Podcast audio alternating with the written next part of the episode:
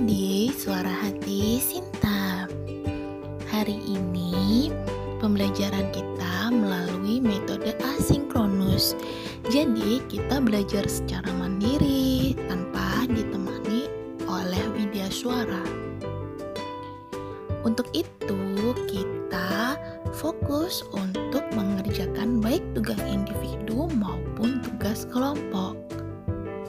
Untuk tugas kelompok membagi tugas sesuai dengan kesepakatan dan kita melakukan finalisasi sebelum dikumpulkan. Nah, tugas hari ini yang dikumpulkan adalah review tentang film. Kebetulan kelompok saya uh, tentang Tobas Dream. Filmnya seru banget. Aku sampai nangis. Banget yaitu Vino J. Sebastian.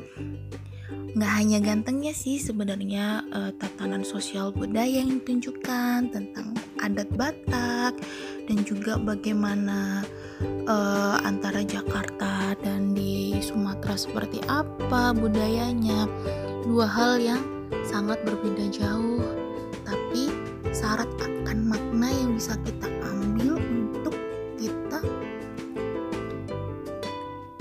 melakukan kegiatan sehari-hari untuk menjadi orang yang lebih baik lagi.